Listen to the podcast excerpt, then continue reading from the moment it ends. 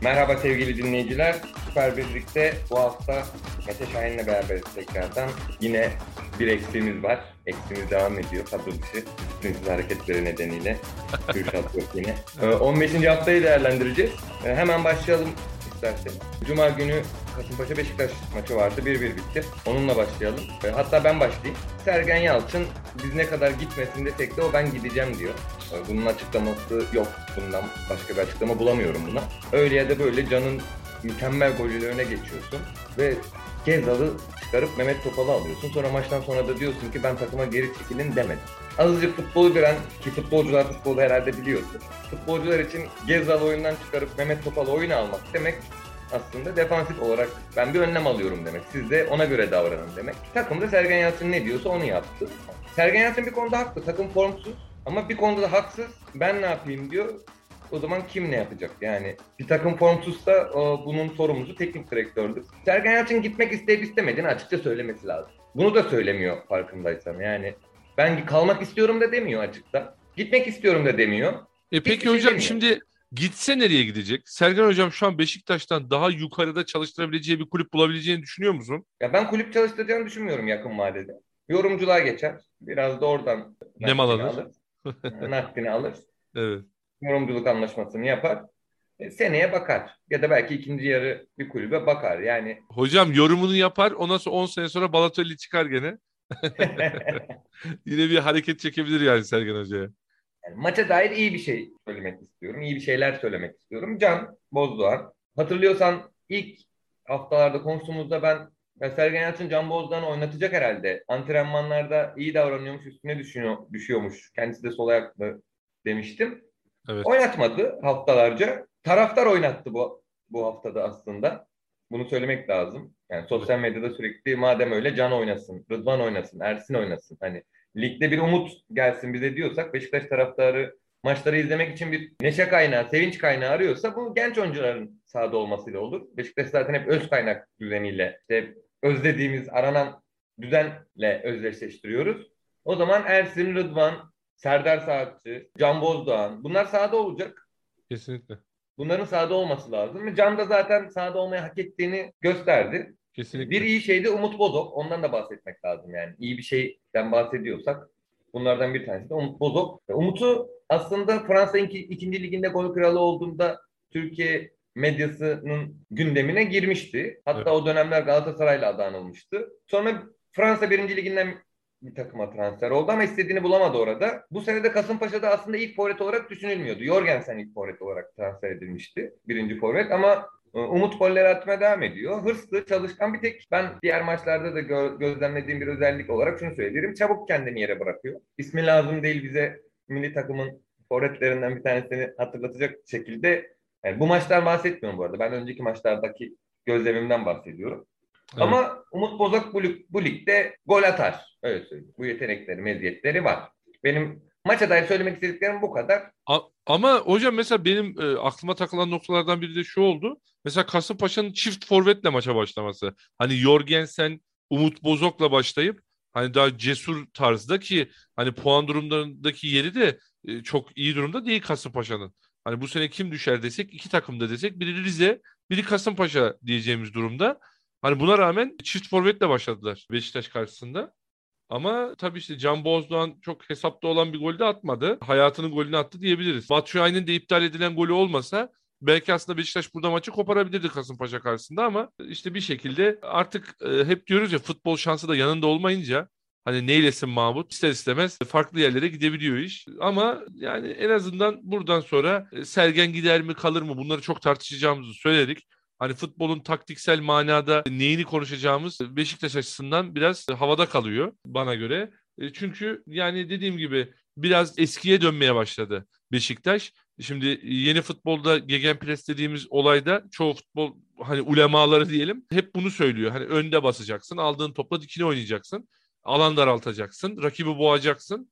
E şimdi Beşiktaş'a bakıyorum hani kimle boğacaksın? Atiba'yla, e, Josef de Souza ile falan boğman çok zor. İşte bir de bunların yanına hücumsal manada daha fazla aktivite gösteren Gezal ve Larin'i koyduğun zaman, Batshuayi'yi koyduğun zaman e, ister istemez e, yük e, 20'lik Can Bozdoğan'a e, kalıyor. Onun için yani bundan sonra Sergen Hocam'ın havlu, bornoz, e, işte nevresim takımı, yorgan, battaniye ne varsa attığını görüyoruz. Dediğim gibi ben Fenerbahçe maçı kırılma noktası olacaktır. Bu hafta değil, ona daha doğrusu bu maç değil, ondan sonraki maç e, Beşiktaş-Fenerbahçe maçı büyük ihtimal Sergen Hoca konusunda kırılma maçı olacaktır. Orada alınabilecek, aslında alınabilecek derken şöyle bir durum var. Hani Fenerbahçe maçı kaybedilebilir. Yani orada favori yoktur. 3 ihtimallidir o maçlar derbi maçları. Ama kötü bir oyunla ve farklı bir skorla yenilmesi halinde bir toplantıya daha girerler Ahmet Nurşebi ile Sergen Hoca. Oradan da çıkma ihtimalini çok düşük görüyorum ben. Çünkü dediğin gibi o havayı göremiyoruz Sergen Hoca'da. Konuşmalarında, sağ kenardaki tavırlarında, sahaya futbolcuların diziliminde hani hep o dediğimiz oyuncuya değer kazandırma projesini Sergen Hoca'nın bu sene ne yazık ki çok da fazla göremiyoruz. Özellikle Şampiyonlar Ligi benim en büyük yaram odur bu sene Beşiktaş adına. Hani o Şampiyonlar Ligi'nde bu kadar orta şekerli bir kura çekip de bu kadar başarısızlık ki hani Batshuayi'lerle, Pjanic'lerle, e, geçen senenin yıldızı Gezal'larla, Larin'lerle ya en azından puan ya da puanlar alabilmesini beklerdik. Tamam sakatlıklar oldu ama yani en azından mesela ilk maç var. Bir 2-1 biten Dortmund maçı. Şimdi rövanş oynanacak. Tabii bu saatlerde. Yani herhalde 8-1 9-1 bitebilecek bir maçtı. Direklerden dönenler, boş kaleye gidenler. Yani Sergen Hoca'nın bizim eski teknik direktörlerimiz, Fatih Hocalar, Şenol Hocalara benzememesi lazım. Hani hep suçu başka yerlerde ararız. Özellikle spor yorumcularında da bu vardır. Hep suç başka yerlerde aranır. Suçu başka yerlerde aramayacaksın. Nerede yanlış yapıyorum? Hatamı düzelteyim. Beşiktaş'a faydalı olayım mantığını gütmen lazım. Sergen Hoca inşallah yakın zamanda bu mantığı düzeltebilirse hani nice yıllar dileriz Beşiktaş'ta. Ama düzeltemezse de en yakın Fenerbahçe maçı iki hafta sonra oradan sonra Sergen Hoca'nın variyeti tartışılmaya başlanır. Yani bu zaten olacak belli. Evet. Bunun olmamasının tek yolu var. İşte Sergen Hoca takım formsuz, kendisi de formsuz. İlk önce kendi forma girecek, sonra takımın forması olacak. Sergen Hoca'nın kredisi var bizde. Devreye kadar da beklenir. Devrede kararını kendisi verecek yani. Yine başka biri vermeyecek. Diyelim o zaman hemen senin yüzünü güldürecek maça geçelim o zaman. Trabzonspor Adana Demirspor'u da 2-0'la geçti. Beğenmediğin Envakame bir gol bir asist yaptı. Takımı sırtlamaya devam ediyor. Yani istatistiklerine bakıyorum. 6 gol 6 asist. 6 gol 6 asist yani en çok skora katkı veren oyuncu ligde şu anda. Evet. Gol ve asistleri topladığında 12 tane gole katkısı var direkt. Bunun yanı sıra geldiğinden bu yana 12. kez double double yapıyor yani. Bir gol bir asist yapıyor. 12. maçta. Bu inanılmaz bir istatistik işte yani. evet. LeBron James'in Türkiye şubesi öyle düşün. Yani, Yani- LeBron James'in bir Süper Lig şubesi olarak Envakame 12, 12. kez double double yap. Evet. Daha ne yapsın bu adam Mete hocam? Size- Size beğendirmek için ne yapmalı? Kendini beğendirmesi için. bir şey var. Vakayeme'nin hani tarzı aslında e, futbolda izlememiz hani gözümüze hitap eden bir tarz. Hani topu alıp saklaması, dribling yeteneği, işte adam eksiltmesi, hani orta karar şut yeteneği de var. Hani topu böyle sağına soluna çektiği zaman kaleyi karşısında gördüğünde şutu da var. Bir tehdit oluşturuyor diyebiliriz Vakayeme için. Sadece Vakayeme'nin beni hani günümüz futboluna modern futbola baktığımda rahatsız eden kısmı çok ağır olması. Yani tamam top hakimiyeti çok çok fazla. E, ama karşısında biraz dişli, böyle ayakları yere sağlam basan, pozisyon almasını bilen, kademe anlayışını da yerine getirebilen yanında bir adamla beraber baskı uygulandığında Vakayeme ortadan kayboluyor. Yani Vakayeme Trabzon'da neredeyse 100 ma- maça falan çıkmıştır. 95'ini izlemişimdir 90 dakika. Yani böyle maçlarında çok gördüm diyebilirim. Onun için hani biraz böyle zayıf rakibi bulduğunda Vakayeme acımıyor. Bunu söylemek lazım. Ki o maçta da hani şunu çok net gördük. İşte Yunus, Sinan ve Svensson üçlüsü daha fazla ofansifi düşündüğü için Vakayeme arkada çok fazla boş topla karşılaştı. Ama Trabzonspor'un aslında genel bakış açısıyla şöyle bir değerlendirme yaptığımızda şunu görüyoruz. Topla ilişkisi çok iyi olan adamlar var. Yani topla ilişkisi çok iyi. Hani tabii ki de şimdi günümüz futbolunda topla ilişkisi iyi olmayan adam stoper bile olamaz. Hani şimdi Salah'ı, Chelsea'ler falan konuşuluyor. Niye konuşuluyor? İşte Salah'ı tamam fizik olarak çok iyi. Hava hakimiyeti var. İşte tamam ama e, son maçta gördük işte sol ayağını nasıl kullanıyor. Sol açığın, sol bekin yapamadığını adam e, gidip yapıyor. Bu topla ve bakış açısının da çok geniş olması işte kim Hamsik, kim Berat, işte kim Abdülkadir Ömür, kim Vakayeme. Yani topu alan direkt kafayı kaldırdığında topu hangi yöne gönderip nasıl geliştireceğini, oyunu nasıl açacağını çok iyi tespit ediyorlar. İşte Trabzonspor'u Trabzonspor yapan olay bu ve bu maç e, tabii bir şanssızlık yaşandı. Cornelius sakatlandı. Orada değişik bir çarpışma yaşadılar rakibiyle. Samet'ti galiba yanlış hatırlamıyorsam. Samet'le bir hava topunda çarpıştılar. E, sakatlandı. Durumunun iyi olduğunu söylüyorlar. Hani bir dahaki maç sahada olur ama erken gelecek bir değişikliğe sebep olmuş oldu. Bakasetas artık iyiden iyiye şey olmaya başladı yani. Takımda sonradan giren eleman olmaya başladı. Biz Bakasetas'sız şampiyonluk gelmez dedikçe hani 60'tan 70'ten sonra falan atılmaya başlandı oyuna. Ki onu da risk etmek istemiyorlar sakatlığından dolayı. İşin öyle de güzel bir yanı var Trabzonspor bizim için. Etkileyici oluyor. Ben ama e, dediğim gibi hani daha çok elimde bir Türk varsa Türk'ü değerlendirmekten yana olduğum için e, mesela Yusuf Sarı'yı e, şu maçlarda bir 20 dakika yarım saat hani bir 10 dakika değil de 5 dakika değil de bir 20 dakika yarım saat görmeyi tercih ediyorum. Hele de 2-0 öndeysen kendi sahanda ya da deplasmanda da fark etmez. Adana Demirspor gibi hücumu seven arkada boşluklar bırakan bir takıma karşı Mesela Yusuf Sarı'yı bir 20 dakika yarım saat görsek fena olmaz gibi düşünüyorum hocam. Ya vallahi Mete Yusuf Sarı'yı 25 dakika görürsen gözünden düşer ben sana söyleyeyim. 10 dakika iyi. Yani 25 dakika oynadığı anda e, bir moralim bozulur yani öyle söyleyeyim. Benim gördüğüm gördüğüm kadarıyla yani. Gördüğüm ya biraz kadarıyla. dağınık tabii ki. Çok genç hocam daha 20 yaşında. Yani Yusuf Sarı şimdi baktığınız zaman sanki böyle hani böyle 24-25 yaşlarında gibi görünüyor vücut dili. Ama çok genç bir oyuncu. Daha ilk defa profesyonel seviyede falan futbol oynayan bir kardeşimiz. Geçen sene de çok kritik maçlarda çok muazzam katkılar yaptı. İşte sağdan soldan bindirmeleriyle falan asist olsun, gol olsun katkısını verdi. Yani biraz böyle üzerinde durulursa sanki o dağınıklığını senin dediğin o işte böyle hani bir hata üstüne ikinci hatayı yapmayacağını ben düşünüyorum. Üstünde durulması gereken bir futbolcu. İnşallah bunu ilerleyen senelerde de hatta bu sene Trabzonspor'un şampiyonluğunda da en büyük pay sahiplerinden birisi olabileceğini düşünüyorum ben. Yusuf'un. Geçen sene Başakşehir maçı mıydı? Tabii. Başakşehir maçıydı 80'de sanırım. Yani girip- orta sahadan aldı. 80'de girip evet. Tek başına götürüp attı. Evet sağ O- taraftan. Çok güzel bir goldü yani ama Evet. dediğim gibi şey, sürekli bunu deniyor. Demek istediğim şey o. Yani Evet. bunu 10 maçta bir, 20 maçta bir yaparsın. 20 maçta bir de yaparsın ama bunu. Sürekli bunu denersen olmaz. Yani tabii işte burada Abdullah Hoca'nın şey önemli hocam. Yani eğer Abdullah Hoca diyorsa ki işte Yusuf al git hadi ya da Yusuf bas ya da Yusuf işte sen şunun için giriyorsun. Yani bunu illaki Yusuf'a söylüyorlardır. Şimdi Arda Turan'ın mesela meşhur bir Bordo maçı vardı. Felaket oynadı deplasmandaki maç. O maçtan sonra işte spiker sordu bu kadar top kaybı yaptın ne düşünüyorsun diye. Vallahi ben isterse 50 top kaybı yapayım gene o çalımı o driplingi yapmak zorundayım. Benim de işim bu demişti Arda Turan ki sonra işte e, Türk futbol tarihinin belki de en kariyerli oyuncusu oldu. İşte Yusuf'un da e, burada Abdullah Hoca e, nasıl konuşuyor kendisiyle, nasıl bir görev veriyor, görev tevdi ediyor. E, ona göre bir yapılanmaya gidilmesi lazım. Yani dediğin o dağınıklığı üzerinden atması lazım. İşte bakalım onu da ilerleyen haftalarda illaki daha fazla, daha da net bir şekilde göreceğiz diye düşünüyorum ben. Arda Toran ülke futbol tarihinin kariyerli futbolcusu oldu e, cümlesini duyunca bu ülkenin vay haline deyip madem Arda Toran dedik Galatasaray'a da geçelim. Evet. O, o, o konuyu da geniş belki programda tartışırız ama e, şimdi Atletico Sponsor Madrid- transferi. Kimse Artık- kimse bize anlatmasın yani sponsor transferi. Ya hocam sponsor transferi doğru tabii ama hani öyle böyle şöyle adam Barcelona'da bir kere hat-trick yapmış yani. O baktığın zaman e, ister istemez e, yani bir şey diyemiyorsun yani. 35 maça Abi yanına Messi, yanına Messi, Suarez'i koy. Sen de bir, bir maçta hat yaparsın merak etme. illa O diyorsun. kadar yani. zor değil. Atletico ama Atletico Madrid'deki oyunu da işte 10 numara oyunu da Atletico'da oynadı. Yani Atletico'da Oynadı. oynadı. oynadı orada. Ben da canlı yani. izledim. Canlı izlemiştim. Sevilla Atletico Madrid maçını. Oo. Sevilla'dayken 4-2 yendi Atletico Madrid. Açılış maçıydı ligin. Ne top oynadı.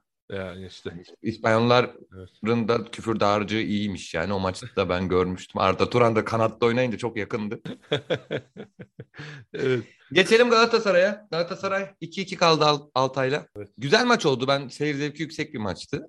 Ve Kesinlikle. Galatasaray'ı çok istekli buldum ben diğer haftaların aksine ama tabii ki benim bir totemim, totemim demeyeyim yani bir tespitim var ve bu tutmaya devam ediyor. Berkan Taylan beraber oynarsa Galatasaray maç kazanamaz. Kazanabilir ama üretken olmaz. Evet. Olmuyor. Olmuyor hocam. Olmadı. Ve Yine olmadı. Ben şunu da bir parantezle açacağım. Yani ilk golde de Taylan'ın müthiş hatası var. İki tane hava topu, iki tane dengesiz çıkış. Ya bak ben şey demiyorum yani top biraz yüksekten gitti Taylan. Ama ya sen pozisyonu alacaksın topun gelişine göre. Taylan golden önce iki pozisyon hava topunda topu kaptırıyor. Yani kaptırıyor dediğim topa dokunamıyor, müdahale edemiyor. Altaylı oyuncular topu alıyor, golü atan Pinares topu alıyor.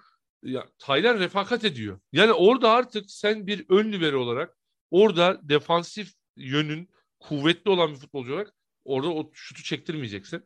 Ama e, Taylan e, ilginç bir şekilde hani ofansif açıdan zaten kendisinden beklenti çok az ama defansif açıdan bari hatayı daha az yapman gerekiyor.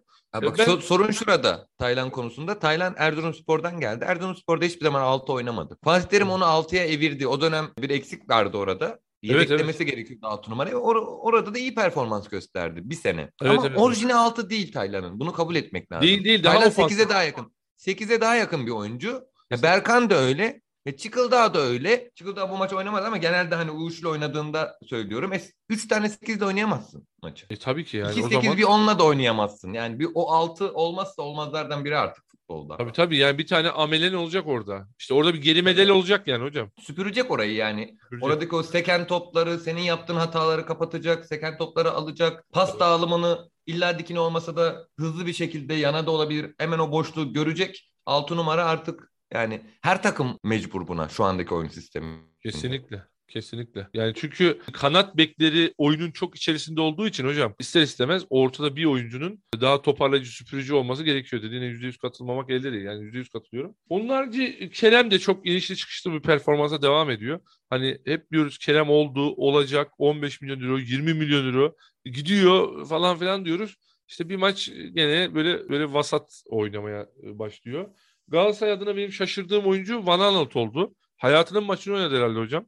Yani o sol tarafı güzel bir koridor yaptı. Orada da benim çok beğendiğim bir oyuncuya karşı oynadı. Cebrail'e karşı. Ee... Ankara gücünden çıkma yani. Ankara çıkma mı bilmiyorum. Ankara gücünde oynadı uzun süre. Ben Ankara gücünü takip ederken bir ara Tabii tabii. Ankara gücünün çekiyordu. futbolcusuydu. En son 2019'da Altay'a transfer oldu. Tabii tabii. Ee, ben bir şey sormak istiyorum peki. Ya Galatasaray'ın birinci forveti sence kim olur? Ya benim bir fikrim var Cagne. Yani şimdi şöyle forvet gibi forvet diyorsanız Üç tane isim var. Muhammed, Halil, Cagne. E şimdi Halil'i geç hocam. Yani Halil daha Galatasaray'ın santroforu diyemem. Muhammed ilk geldiği Muhammed olsa Muhammed derim. Ama Muhammed müthiş bir şekilde hocam harika bir şekilde Türkiye'ye uyum sağladı.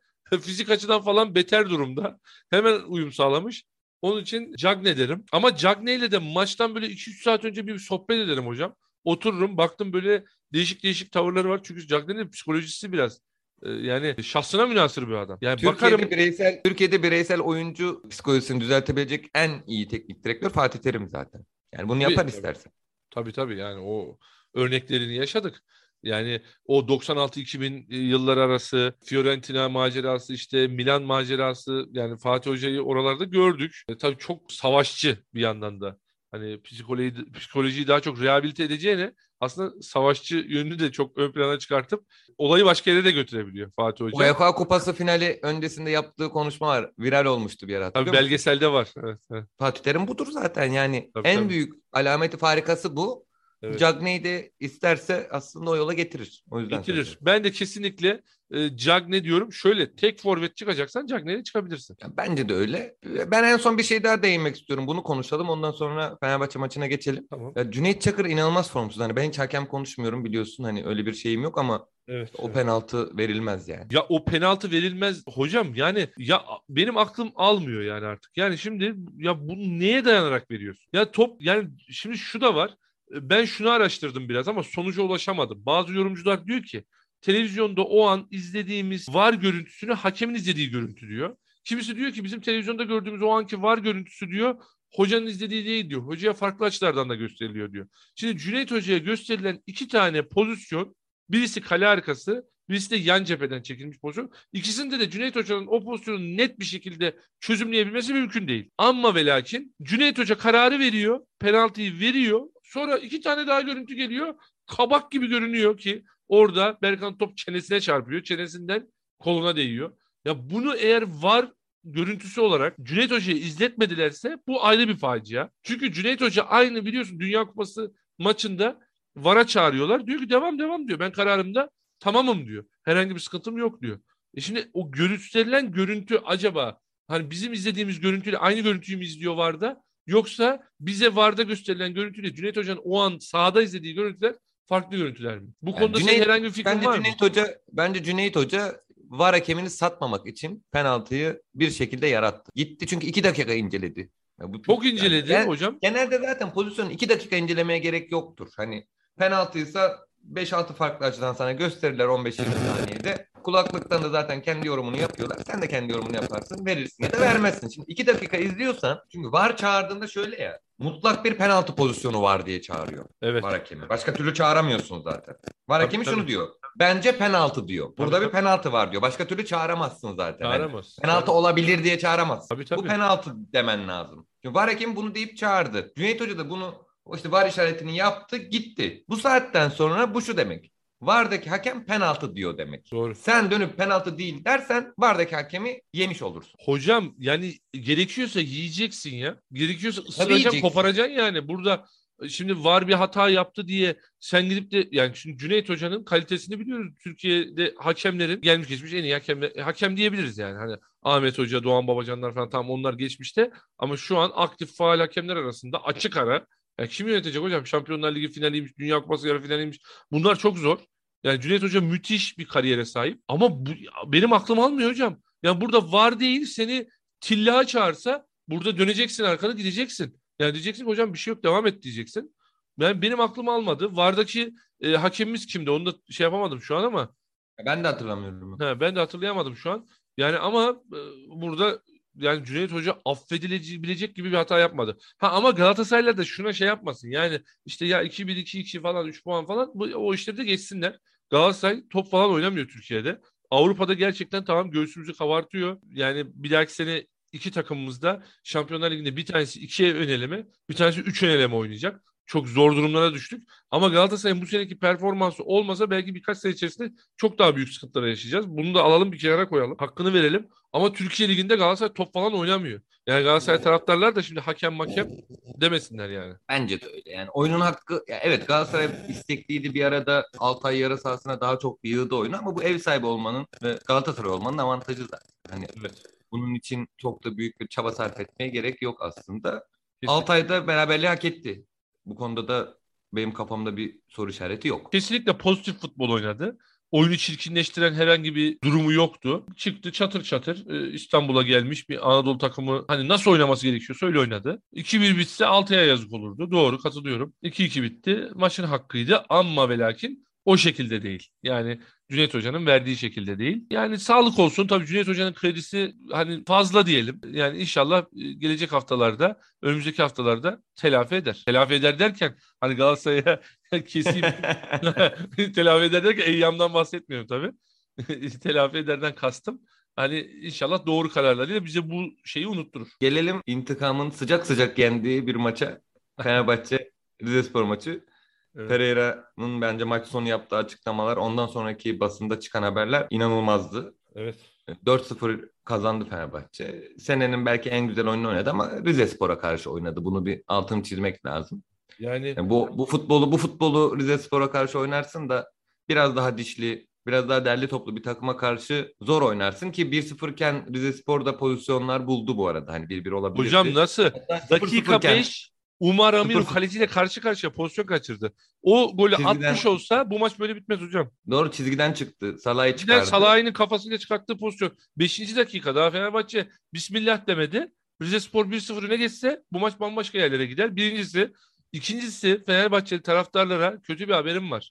Galatasaray bu Rize'ye deplasmanda 3 gol attıysa sizin kendi sahanızda 4 atmanız çok da sevinilecek bir durum olmasa gerek. Şimdi ben bazı spor yorumcularımızı dinledim. Mesela Rıdvan Hoca'yı falan dinledim. Rıdvan Hoca havaya girmiş. İşte ya Fenerbahçe geliyor falan filan. Yani Fenerbahçe valla Fenerbahçe Fenerbahçe hani Kadıköy'den Eminönü'ne falan bile gelemez. Yani öyle bırak şampiyonluğa mampiyonluğa gelmeyi bir dahaki hafta yani ilk durakta Fenerbahçe otobüsten iner. Mümkün değil yani bu oyun tarzıyla.